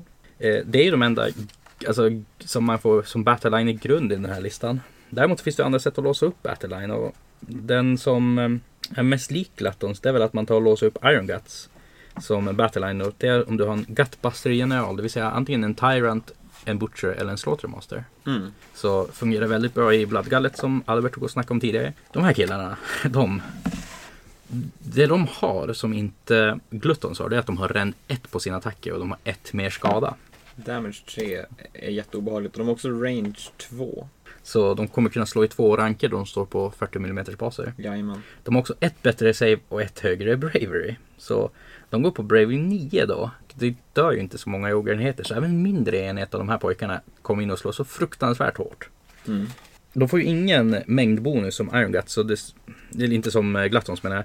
Så du behöver kanske inte lika som brydd om att vi spelar 12 stycken nu. Kanske räcker med en 8 till exempel. För 8 Iron Guts med lite buffs och saker kommer ju slå sönder det mesta. Absolut. Ja, får de Rend 2 så då gör de Mm. hur ont som helst. Det var ju återigen för att nämna Theodor när han spelade mot eh, Petrifix Nagge som han fick igenom rend 1 på Nagge. Hur han gjorde det är frågan. Men eh, så gick, de, 4 plus. ja, så gick ju de här pojkarna in och nackade alltså Petrifex Nagge med en 8. Och det, det tyder på att de slår så, så Ja. sanslöst hårt. Så de här killarna tror jag njuter mer av att få Rib Tracker än vad de njuter av att få Bloodfist. Så är det. För de har ju redan Damage 3. Nu säger jag inte att Bloodfist är dålig på dem, men att gå från rend 1 till rend 2 gör de från att de är sådär till att vara helt fruktansvärt arga. Sen så har de också sin ability Down to the Iron Guts. Det är att eh, när en Ogre har flytt, alltså failat sin Battle Shock, så kan du ta och använda One Use Own Ability som gör så att de tar och rerollar hit, wound och save rolls of one for this unit until your next hero phase. Och det är en sån här ganska fluffig förmåga som också är ganska bra. Mm. Ja, det är som såhär, den är bara one use only. Men man behöver nog bara den en runda. Det, det tråkiga är att någon måste fly först. Ja. Ganska svårt att fly med Ogers. Men sen vidare kanske till en annan battleline som är förmodligen den som jag skulle spela om jag spelade Ogers. Det som kan låsa upp det är att du tar en Hunter General så blir Frostsabersarna battleline. Och de har stora ovala baser så de är ganska bra på att screena bort saker. Har man sett någon som spelar Legion of Nagash har de alltid två femmor hundar som springer omkring och står i vägen. Kan göra lite samma sak med de här. Men de slår också ganska hårt. De slår tre attacker, 4 plus 3 plus rend 1 damage 1. Som Huntern har en command ability som ger plus en i attack för en command point. Och grejen med den här är att den har ingen övre kapp så du kan ge dem lika många plus i attacker som du har command points om du så skulle vilja. Då håller du Huntern i reserv med Hunter-traitet. Mm. Så det har- det är ett extra command points. Ja, och så bara Och kom så in. kommer man in och så gör man, ger man 20 extra Typ, attacker. alltså, säg alltså en, ja men åtta katter som tar deep striker och så tar Huntern och ger dem 10 extra attacker. Men vad tror du om att köpa 10 extra command points och bygga armén för bara Hunters? Ja, nu är, ja. Och så möter den här armén som har en enhet som ska göra det. Ja, verkligen. Jo, i förra editionen av Age of Sigma gick det ju att köpa hur många command points man nu bara ville. Nu kan du bara 10 000. Ja, nu kan du bara köpa en dock. Ja, men det är väl min favorit Battleline i boken. Någonting, någonting som är bra att notera också är att, att eh, ofta tänker man Knoblars är den självklara screenen i armén. Mm. Men de är ganska långsamma jämfört med Ogers. Mm. Så att jag har mer än en gång sett eh, Gutbuster-spelare eh, screena bort sig själv från det de vill äta. I och med att Knoblarsen bara inte kunde flytta på sig snabbt nog. Ja. Det känns ju som att Knoblars inte riktigt har en så här supertydlig plats i den här armén. Mm. Så är det ju. Ändå. Och det, det är synd. De borde ha bli, fått någon... De, jag tänker mig att man, man skulle kunna screena sin artilleripark med scrap launcher. Mm. det är väl typ det jobbet man har. Mm. Det och så finns det ett trevligt tech när man har en större grupp av eh, och Gnoblars och det är ju att ge dem en snyting av tyranten så att de blir immun mot Battleshock. Eh, för då kan man ju ändå ha en 40 minus den skadan enhet som bara inte kommer sticka. Mm. Det är jättejobbigt att arbeta sig igenom gnoblar som är Battleshock-immuna. Mm. Men det du har så nämnt poäng att screena sig in är ju faktiskt en ganska bra grej. Att det, jag tänkte när man kan göra med Frost Savers också att eh, sätter dem i en skalformation så de inte tar upp fler drops. Mm. Och så har du två stycken fyror så kan du som, alltså öppna porten med dem. Att då, du går med dem bredvid varandra. När det är dags för dig att eh, poppa fram med din Stonehorn så tar du först och flyttar dina ena gäng med eh, katter åt sidan. Får ett hål mellan enheterna. Springer igenom med din Stonehorn och så stänger du igen hålet med ditt andra gäng med katter. Så att det som står bakom är fortfarande screenat efter din momentfas. Det här är jättebra radio, men vi fick en jätte, jätte pedagogisk demonstration här. Jo men jag kommer lägga upp det i bilder också så. Det kommer bli bra. Jo. Men att, som sagt, det finns mycket så här bus man kan göra med alltså screens i den här armén. Och det är som du säger Albert, att Gnoblars blir som en stor hög som bara står i vägen. Ofta för dig själv också, ifall du inte spelar en Ja. skyttelista. Jag, jag hade gärna sett att man kunde kliva över Gnoblar. Det hade ju varit jättegott att kunna Ja, char- charge över dem eller någonting Man sånt. promenerar över, men de tar det Det finns Ja. ju till och med sådana regler i Age of Sigmar att typ Magmadrothen kan skita i fyrslöjande spellen. Att den bara kan hoppa över den. Och det ska jag passa hur bra som helst. Ja, de Ja. tar lite skada om man trampar Ja. ner dem. Alltså de, tar D3 mot runes när en Ogre springer över det men att de kan springa över dem som att de hade fly. Ja, men precis. Mm. Gäller även motståndarsidans Ogres. Ja. Alla ogres bryr sig Ingen bryr sig om lite om. Gnoblar. Så att GW behöver ni någon som skriver roliga regler, call me. Det finns ju en till Battleline som vi kan också ta och snacka om. Icefall Yetis. Uh, Battleline No More with a Generous Mountain and a Thundertusk. Men det fanns väl inte va? Nej, just ja. Det var en felskrivning. Det är en felskriven. Yetis finns inte. Nej, det är som, jag vet inte vad ni kollar i, men det är en jättestor vit ruta i min bok. Det som också kan vara busigt är att uh, Monfangs blir Battleline ifall du har en Beast uh, Claw Raider General. Det är ju de här stora pojkarna som rider på halvstora djur. Men också att Stonehorn Beast Riders och Thundertusk Beast Riders blir Battleline i uh, en Beast Claw Raider armé. Och då slutar de vara Beh- Behemoth, så du kan spela hur många du vill. Ja precis, då går man runt en... Det började ju med Flash Eaters och då fick inte Ogres den regeln trots att de kunde ta dem som Battleline. Men nu kan de också göra det. Det är, är ju kul. Så du kan ha en hel armé som rider på Stonehorns och Thundertusks. Mm. Det är ju otroligt coolt. Ja. Jag fick låna en sån armé och spela en Fanatic. Eh, inte med den här boken, tyvärr. Utan med den förra boken. Mm. Och det är en, det är en, en upplevelse. Men då hade de inte så att de var fler modeller på objektiv. Nej. Mm. Så det, var Så det har blivit lite bättre alltså. det har blivit lite bättre. Ja. Men vidare från Battleline. Vi har inte, vi har inte diskuterat Led Belchers, den absolut bästa battlelinen i hela boken. Ja, kan vi väl göra. Eh, de låser man upp på lite speciellt sätt. Det är varken att... Eh, ska vi säga. Jo, du behöver en Gutbuster general och ha mer än fyra enheter i, i enhet, eller mer än fyra modeller i enheten. Du köper dem i två år så det är en ganska så här, konstig siffra för Ogres kanske. Det är ju förmodligen för att de säljs fyra och fyra. Mm, men Ja. man inte kunnat spela dem i fyror då som både Iron Guts och Glattons känner jag. De kanske förstod att folk inte vill spela fyra av dem. Nej, Glattons köper man i tre år, ser man på. Ja, men det är för att Glatten-lådan är sex stycken. Ja. Ja. Som sagt, hela faktionen som DA tog och föreslog eh, Underguts. Eh, och sen känns det som att Led Belchers är med som en, eh, en liten straffenhet i, i alla formationer. Mm. Både Gourmand och eh, Butcher-formationen kräver att man ska ha en enhet. Ej, vilken slump i dem. Det känns som att när man har slagit färdigt tärningarna så händer det inte jättemycket. Nej. Med D3 skott träffa 4 plus. Det, Nej. Men absolut inte. som sagt, det som gör också bättre i Underguts är att de når ju 18 och när de står stilla får de skjuta D6 skott istället för D3. Men så jag kan tänka mig att, att har man små två av de här liksom. Då Mm. kan man ställa dem på något objektiv någonstans, panga lite grann, ta bort någon screen någonstans och sen är de ju, de slår ju typ lika hårt som Glattens. Ja. Eh, de har en attack mindre men Alltså de slår ju deceptivt hårt för att vara en skytteenhet. Ja absolut, det är väl det som är grejen med, med alla de här Ogresen, att även om de är så här support eller skytte eller whatever Då kommer de dunka i huvudet med vad de håller i och det kommer göra ont. Mm. Och så var de inte jättedyr heller. Nej. Med 80 poäng för två stycken. Jag menar, de har ränd till skillnad från Glattons. Jo precis, det är en väldigt stor och tung kanon de dunkar den med. Så säg att man ger de här typ Bloodfeast och att de går och smäller till någon, det, det gör ju riktigt ont. Det är bra att de slår ju bra mycket hårdare än vad de skjuter. Ja det är kul.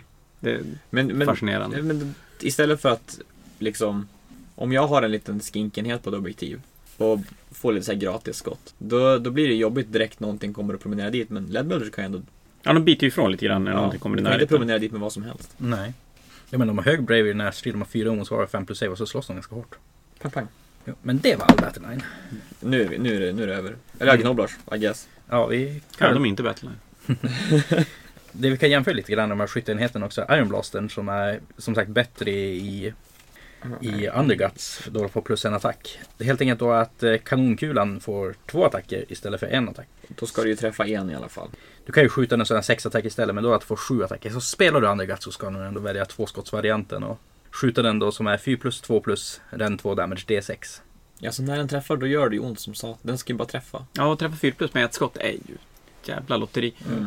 Plus att den vill gärna, jag känner att den gärna skjuter typ så på, alltså som en karaktärssaker. Då får den också ytterligare minus till hit ifall du ska försöka gå efter sådana. Så nej, jag vet inte. Inte tillräckligt bra helt enkelt. Nej, alltså den blir väl okej-ish och lite grann av en gimmick att spela om du spelar Underguts. Ja, och sen du, du kanske har en i Tyrants Gutguard. Så du har ju två Iron Blasters i den formationen med din tyrann. Ja, Mm. och det är ju en fantastiskt cool modell så att Den ser jag väldigt tuff skulle gärna, gärna få vara med av den anledningen faktiskt. Och sen är den inte heller så farligt dyr, den är bara 120 poäng. Ja. Så det är som en Free Guild artilleripjäs. Man kan ha lite skyttendel i ogrearmén utan att spendera jättemycket poäng på det. Mm. Jag menar, det är ju bra. Jag ju ganska ofta och pratar om att man vill utnyttja alla resurser man får i spelet. Att skippar du typ att ha något skytte överhuvudtaget i armén, då skippar du en hel fas du inte kan göra någonting på. Mm. Det gör att du får mindre verktyg att kunna hantera problemen som uppstår. Ja, motståndaren kan andas ut lite grann. Ja. Behöver inte ta hänsyn till saker och ting på samma sätt. Men säg typ en ogre-armé som bara kommer dundrandes fram. Visst det är jobbigt men det går ju att screena bort. Absolut, de kan ju screena bort sig själv till och med. Mm. Eh, och Iron Blasten, alltså det är ett ganska mångsidigt verktyg för den är ju heller inte en pushover. Nej. Den har 9 wounds med 4 plus save. Och alltså gunnern slår lika hårt som en glatten. Mm. Och då har man dessutom Rhinoxens horn och... Eh, Som slår Noblar bättre när den chargear dessutom. Så man ska chargea med den här jäveln. ja, Det är en då är det- chariot. Kan man Ja, väl säga. Ja, Alltså, det är ju en ja. chariot. Det, det har du ju alltid varit. Ända från början har det varit Mm. en chariot. Har, har den ju haft impact hits och grejer. ja den, den dundrar in Ja. och sen dundrar den. Ja, nu när man kan skjuta i närstrid också. Pang pang. Det är riktigt. Då kan du Och det står ju sju attacker i närstrid också. Ja. Så nog, den här är ganska busig. Men Men bra det är att ta i. bra att ta i. Men jag kan definitivt säga att folk skulle spela med Underguts. Andra saken kan bygga över kittet är ju en Gnobra Scrap Launcher. Jag tycker att man ska ha så många scrap launchers som man får in på poängen. De är... Alltså, jag tror att poängen med scrap launchers är, är att eh, snipa screens. Och jag tror att den är faktiskt jättebra på att göra det. För du skjuter tre skott, 3 plus, eh, 4 plus, damage D3. Och det är inte jättespännande. Men om ditt mål har 10 eller fler modeller så får du plus 1 och hit så det blir eh, 2 plus 4 plus och det är ju D6 wounds. Så det blir fyra attacker från den här ifall du spelar dem i en Junk Mob. Precis. Och alltså, Alltså, tior med skinks och grejer, de tycker inte det är jättekul att bli skjuten av där. en måste gå igenom och då försvinner det D6-figurer. Så det här nya metat att eh, spela mot Serafon Skinkblock och ha bara jättemycket med bestick som kommer flygandes. Ja, alltså hela köket kommer flygandes. Någon ska ju landa under stekpannan eller Ja. någonting. Även om den här inte är lika glamorös eller vi ska säga som Iron Blasten så tror jag nästan att den är bättre. Ja, jag, den- jag tror det. Fyller den inte en funktion i Ogre-armén som inget annat riktigt gör Mm. då? Att den plockar de här screensen som... Den gör ju det Ledbelchen gör fast bättre. Ja. Och också att du får ett skäl att ta en Junk Mob som ändå är en ganska vettig formation.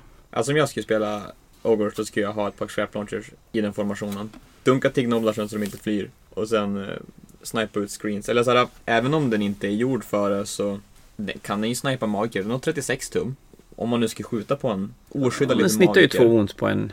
Ja, alltså den, den. då skjuter den fyra skott, 3 plus 4 plus damage 3 3. Det är Mm. ändå... Den skjuter fyra skott till och med. Ja, om Jo. den är junk bomben. Ja, men just det. Ja, då snittar den ju mer. Då snittar den ju typ tre, tre och ett halvt wound. Men någon gång ska man ha tur. Men säg då att du har två stycken sådana här Junk Mob som bara hänger bakom ett gäng med Gnoblars. Jag menar det är ju åtta stycken sådana här skott i rundan. Det försvinner mycket skinks på det. Det gör det. Och klart skjuter två sådana på en liten ensam magiker, då snittar du ju ihjäl en skinkpräst till exempel. Ja, det är ju... Det är inte en Ossiar-katapult. Men det Nej, är, men det är inte så mycket som en OCR-katapult. men det är mycket coolare. Ja. Nej, det håller jag inte med, men det är okej. Ska vi gå vidare till kanske en av mina favoriter i den här boken då? Det är en Frostlord on Stonehorn. Om du insisterar. Mm. Den, den, den här killen, han, han slår ju så ohyggligt hårt. Han har ett Frost Spear som är fyra attacker, 3 plus 3 plus rend 1 damage 3. Det, alltså, du kan sätta typ vilken fight relik som helst på den här pojken och han blir hur arg som helst. Um, säg typ till exempel Gyrstrike på hans Frost Spear. Då får du fyra attacker som är 2 plus 2 plus en 1 damage 3. Eh, punches and kicks, inte jättespännande. Tre attacker 3 plus 3 plus eh, en streck damage Det var en sån extra grej som alla de där pojkarna har. Men sen har vi också hans två mount-attacker. Den ena är Rock Hard Horns som når 2 tum. Eh, när den är oskadd så har han då sex attacker med den. 4 plus eh, hittar ju inte jättespännande. Men det är ju här Mount Rated Black Clatterhorn. Så den går ner till 3 plus. Och så Brand of Svärd som gör så att den går ner till 2 plus och träffa. Och det är ett väldigt stort steg att gå från en 4 plus till en 2 plus på en Mm. sån där attack. Den har ju den 2 damage 3 så den gör riktigt ont. Samma sak med Crushing Hooves att eh, den har D6 attacker. 3 plus som går ner till 2 plus då med Brand of Svärd. Onda 2 plus när den är oskadd den 1 damage D3. Så Den tuggar i sig det mesta. Mm. Så det jag kan tänka mig på den här. Som sagt, tar du en relik på den som påverkar vapen kan du bara sätta den på Frostbearen. Men där funkar Gyrstrike om du vill spela den så. Eh, den funkar jättebra med Brand of Svärd och eh, Black Clatterhorn. Men andra varianter folk börjar spela är att man spelar den från Shires just för dess tankighet. Och då har den ju 3 plus save som du sätter en ethereal amulett på så att den blir alltså rendimmun. Och, och som sagt 3 plus save då. Det är ganska absurt med 14 wounds i Boulderhead. Och inte att underskatta Stone Skeleton. Mm, precis. Så på sin 3 plus save får den också ett 5 plus universalt negate. Ja, Den här tar lite jobb att få bort. mm. så det jag kan se framför mig om jag skulle spela Bullhead det är att jag skulle spela två stycken sådana här pojkar på Frostlord. Du skulle kunna göra den ena till en Haskard om du ville men jag tror två Frostlords är bättre. Du gör den ena till alltså tankvarianten med den där amuletten så gör den Renimu och den andra med Brand of Svärd så att den träffar alla sina mount-attacker på 2 plus. Och så spelar du dem så att de går in och slåss med dem de behöver. Det- tror jag är en ohyggligt hård kombo som du typ kan lägga till till vilken ogre-armé som helst och sen bygga vidare på det om det är med Iron Guts eller Gnoblars och Yankimo och liknande. Så nej, de här två pojkarna, de förmodligen bland de hårdare monsterkombona du kan spela ska jag tro. Mm. Ja, landar på 800 poäng för de två så då har du ändå ganska mycket Mm. poäng kvar att stoppa in annat för. Ja, men säg 1200 poäng i en magiker som bara Glattons. Hungry, Och en ogres. Vortex. Och en Balewind Vortex. Alltid en Balewind. Mm. Um, Frostlord på Thundertusk. Um, ehm, inte riktigt lika spännande som var förut när jag gjorde sex Mortal Wounds bara rakt av. Nu tar du istället och rullar um, ett nummer av tärningar som det står på hans beroende hur skadan han är. Så gör den olika mycket Mortal Wounds beroende på hur stor enheten är. Så han är ju mer att han ska tömma horder. Det som är grejen med en Frost, eller en Thundertusk i allmänhet, oberoende vilken variant det är, det är att han kan ta den här Alvagar Ancient som gör så att har han inte chartrat så slår någonting sist i närstridsfasen om de vinner tre av honom. Som, det går ju att spela runt men det är fruktansvärt bra tecken då känner jag. Mm. Annars, att, som, som modell annars känns det ju mycket mer slumpad. mm, det jag också kan nämna, tar du en eh, Huskard på Thundertusk kan han ju också använda Alltså Blizzard Speak, att han kan göra deras prayers och liknande. Så vill du använda prayers så ska du använda här. Vilket jag tycker är konstigt för det är som enda sättet de kan använda prayers. Men de gör ju som en prayers till en stor sak inom Allegiance abilityn. Men jag tycker jag, alla gånger jag mött Ogre har jag aldrig sett dem kasta en prayer. Det är lite tråkigt. Mm. Ja, som sagt, de andra varianterna är bara som att de blir lite annorlunda jämfört med Frostlorden. Lite sämre och inte hjältar typ. Men billigare. Hur värt är det att spela en, en vanlig Stonehord Beast Rider kontra en... Den går ju ner väldigt mycket i effektivitet när du inte kan få alltså, de här mount ratesen. Mm. Fast den får ju mount rate om du spelar Bullet, men de får inte de här vettiga artefakterna heller. Samt att, Ja, bara 4 plus save också. mm, att den inte kan spendera command points på sig själv kan också bli en ganska stor Mm. grej. Och att den inte kan hålla sig hero-objektiv. Så egentligen vill du ha karaktärerna på Mm. monster och resten som Jag tror annat. att två stycken Frostlords eller att du gör den ena till en Huskard är verkligen the sweet, Ja. sweet spot med de här. Ja. Det är bara 100 poäng mer.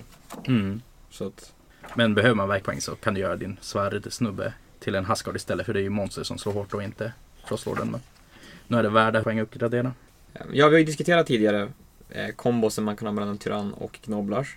Och då kan det vara värt att gå in och fråga vad, vad, vad är det egentligen? Och det är hans command ability, Bully of the First Degree. Och då väljer du en Friendly Gutbuster Unit inom 3 tum och då tar den D3 Mortal Wounds och blir immun mot Battle Shock resten av spelet. För att han är mycket läskigare än allt annat. Den här är också väldigt, säg att du har en 12 med eh, Iron Guts eller en 12 med Gluttons eller vad som helst. Att han bara går och sparkar till dem. Mm. Att de blir immun mot Battleshock är inte heller helt dåligt. Nej, Samt alltså- att de kan hela upp sig. Ja, han kan, inte, han, han kan inte råka döda någon på det. Mm. Och du helar ganska mycket med Ogres. I synnerhet Gutbusters. Så att då kan du nog rädda upp det innan någon dör. Han hade skyttattacker, två attacker 4 plus 3 plus randett damage 3 3 och det är okej. Mm. Den här jättebusig relik också kan jag ju nämna till just den att eh, eh, Sky Titan Scatter Pistol att eh, han har en attack characteristic of 6 instead of 2. Pang, pang, pang! Och då, då är det ganska läskigt ändå. Gör ju två wounds Mm. med D3 damage. Det kan ju vara lite busigt att smyga in. Ja, jag menar är det bra? Förmodligen inte men det, det, det, det är busigt. Eh, det som är bra däremot, det är hans Thunder Mace och Beast Skewer, Skewer Glaive. Mm. Eh, Thunder Mace är 3 attacker, 3 plus 3 plus, rend 2 damage 3. Om det omodifierade hitrollet är en sexa, då gör den ett mortal wound utöver. Och om enheten han slår har fler än tre modeller, på en omodifierad sexa gör den istället D3 mortal wound. Den är tung. Glaven är 3 tum i range och du kan poka över många screens och saker om folk har ställt sig bara lite fel. Ja, precis. Eh, med den slår han två attacker, 3 plus 3 plus, rend 1 damage är D3. Men om Mm. de tagit en hero eller en monster och slår en omodifierad sexa to hit, så har den damage characteristic D6 istället för D3. Mhm, Det, Så inte nog med att du når över screenen, du kan fiska dig i en annan sportkaraktär på det sättet. han får ju också ta ett så kallat big name som har olika saker men de mera spännande är väl att han kan göra sin eh, save roll till 3 plus istället för 4. Då funkar ju också ganska bra med den här Rendemun-amuletten med sin 3 plus save. Och jag kan ju tänka mig att han är en ganska fightig karaktär när man spelar mindre poäng där kring 1250 eller 1000 till och med. 600 poäng. Det kan nog vara jättesvårt att, eh, att hantera den. Jag Mm. tycker att alltså, Big Name-regeln, förutom att det finns några bra, så är det ju en jätterolig regel. Ett sätt att så här, personalisera sin tyrann. Jo. Det är Eh, viktigt också att, att eh, det står att save characteristic blir 3 plus istället för 4 plus. Mm. Istället för att modifiera savet. Så då kan man faktiskt använda Ethereal Amulet som du säger. och så finns det lite andra big names. Det är typ att du får mera wounds eller får bättre charges och får längre movement och får bättre på att jaga monster och liknande. Så, så sagt, det är en ganska busig modell. Vad kostar den tyrann? 160 tror jag. Mm, Det är inte särskilt mycket Det är nog inte jättefarligt för en sån där hjälte som ändå kan bli ganska arg och eländig. Så en med- Gutbuster-armé utan de stora monstren får du ändå ganska mycket modeller. Ja, det här är en väldigt välbalanserad bok känner jag i allmänhet. Hur är den interna balansen? Som sagt, du kan spela lite vad som helst i den. Det finns ju vissa saker som är uppenbart lite bättre, men samtidigt, som, typ till exempel Stonehorn, att du sätter en Frostlord på den.